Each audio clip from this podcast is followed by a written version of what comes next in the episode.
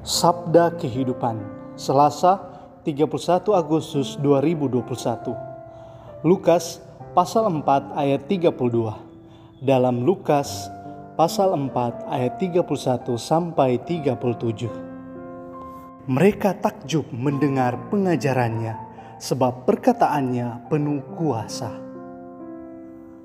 Penginjil Lukas mewartakan siapakah Yesus dengan menggambarkan rasa takjub orang-orang yang mengalami betapa perkataan Yesus itu penuh kuasa. Bagi orang-orang yang dekat dengan firman Allah, tentu ingat bagaimana Allah menciptakan dunia dan segala isinya hanya dengan berfirman. Dikatakan dalam kitab Kejadian pasal 1 ayat 3.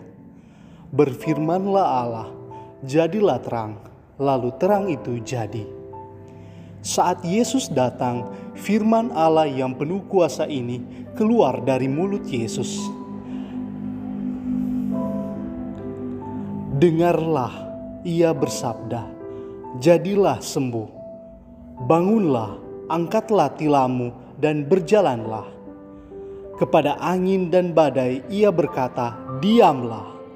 Kepada setan-setan ia membentak mereka, keluarlah daripadanya dan kepada kita secara lembut Yesus berkata, Aku ini jangan takut. Marilah kepadaku kamu sekalian yang letih dan berbeban berat. Aku akan memberikan kelegaan kepadamu. Tinggallah dalam aku dan aku tinggal dalam kamu. Akulah gembala yang baik. Akulah terang dunia. Barang siapa mengikuti aku, ia tidak akan berjalan dalam kegelapan.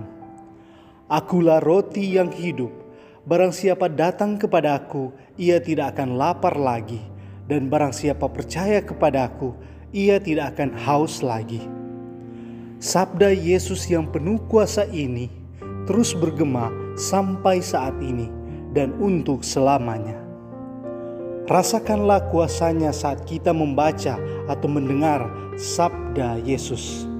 Biarlah sabda Yesus terus hidup dalam hati dan jiwa kita, mengobarkan semangat cinta, memberi kekuatan dan daya ilahi, memberi harapan baru, melembutkan hati yang keras, menghalau dosa dan kemunafikan, menegur dan mendatangkan rasa tobat dan sesal menuntun kita kembali ke jalan Tuhan, membawa damai dan sukacita sejati karena berada kembali dalam pelukan kasih Allah.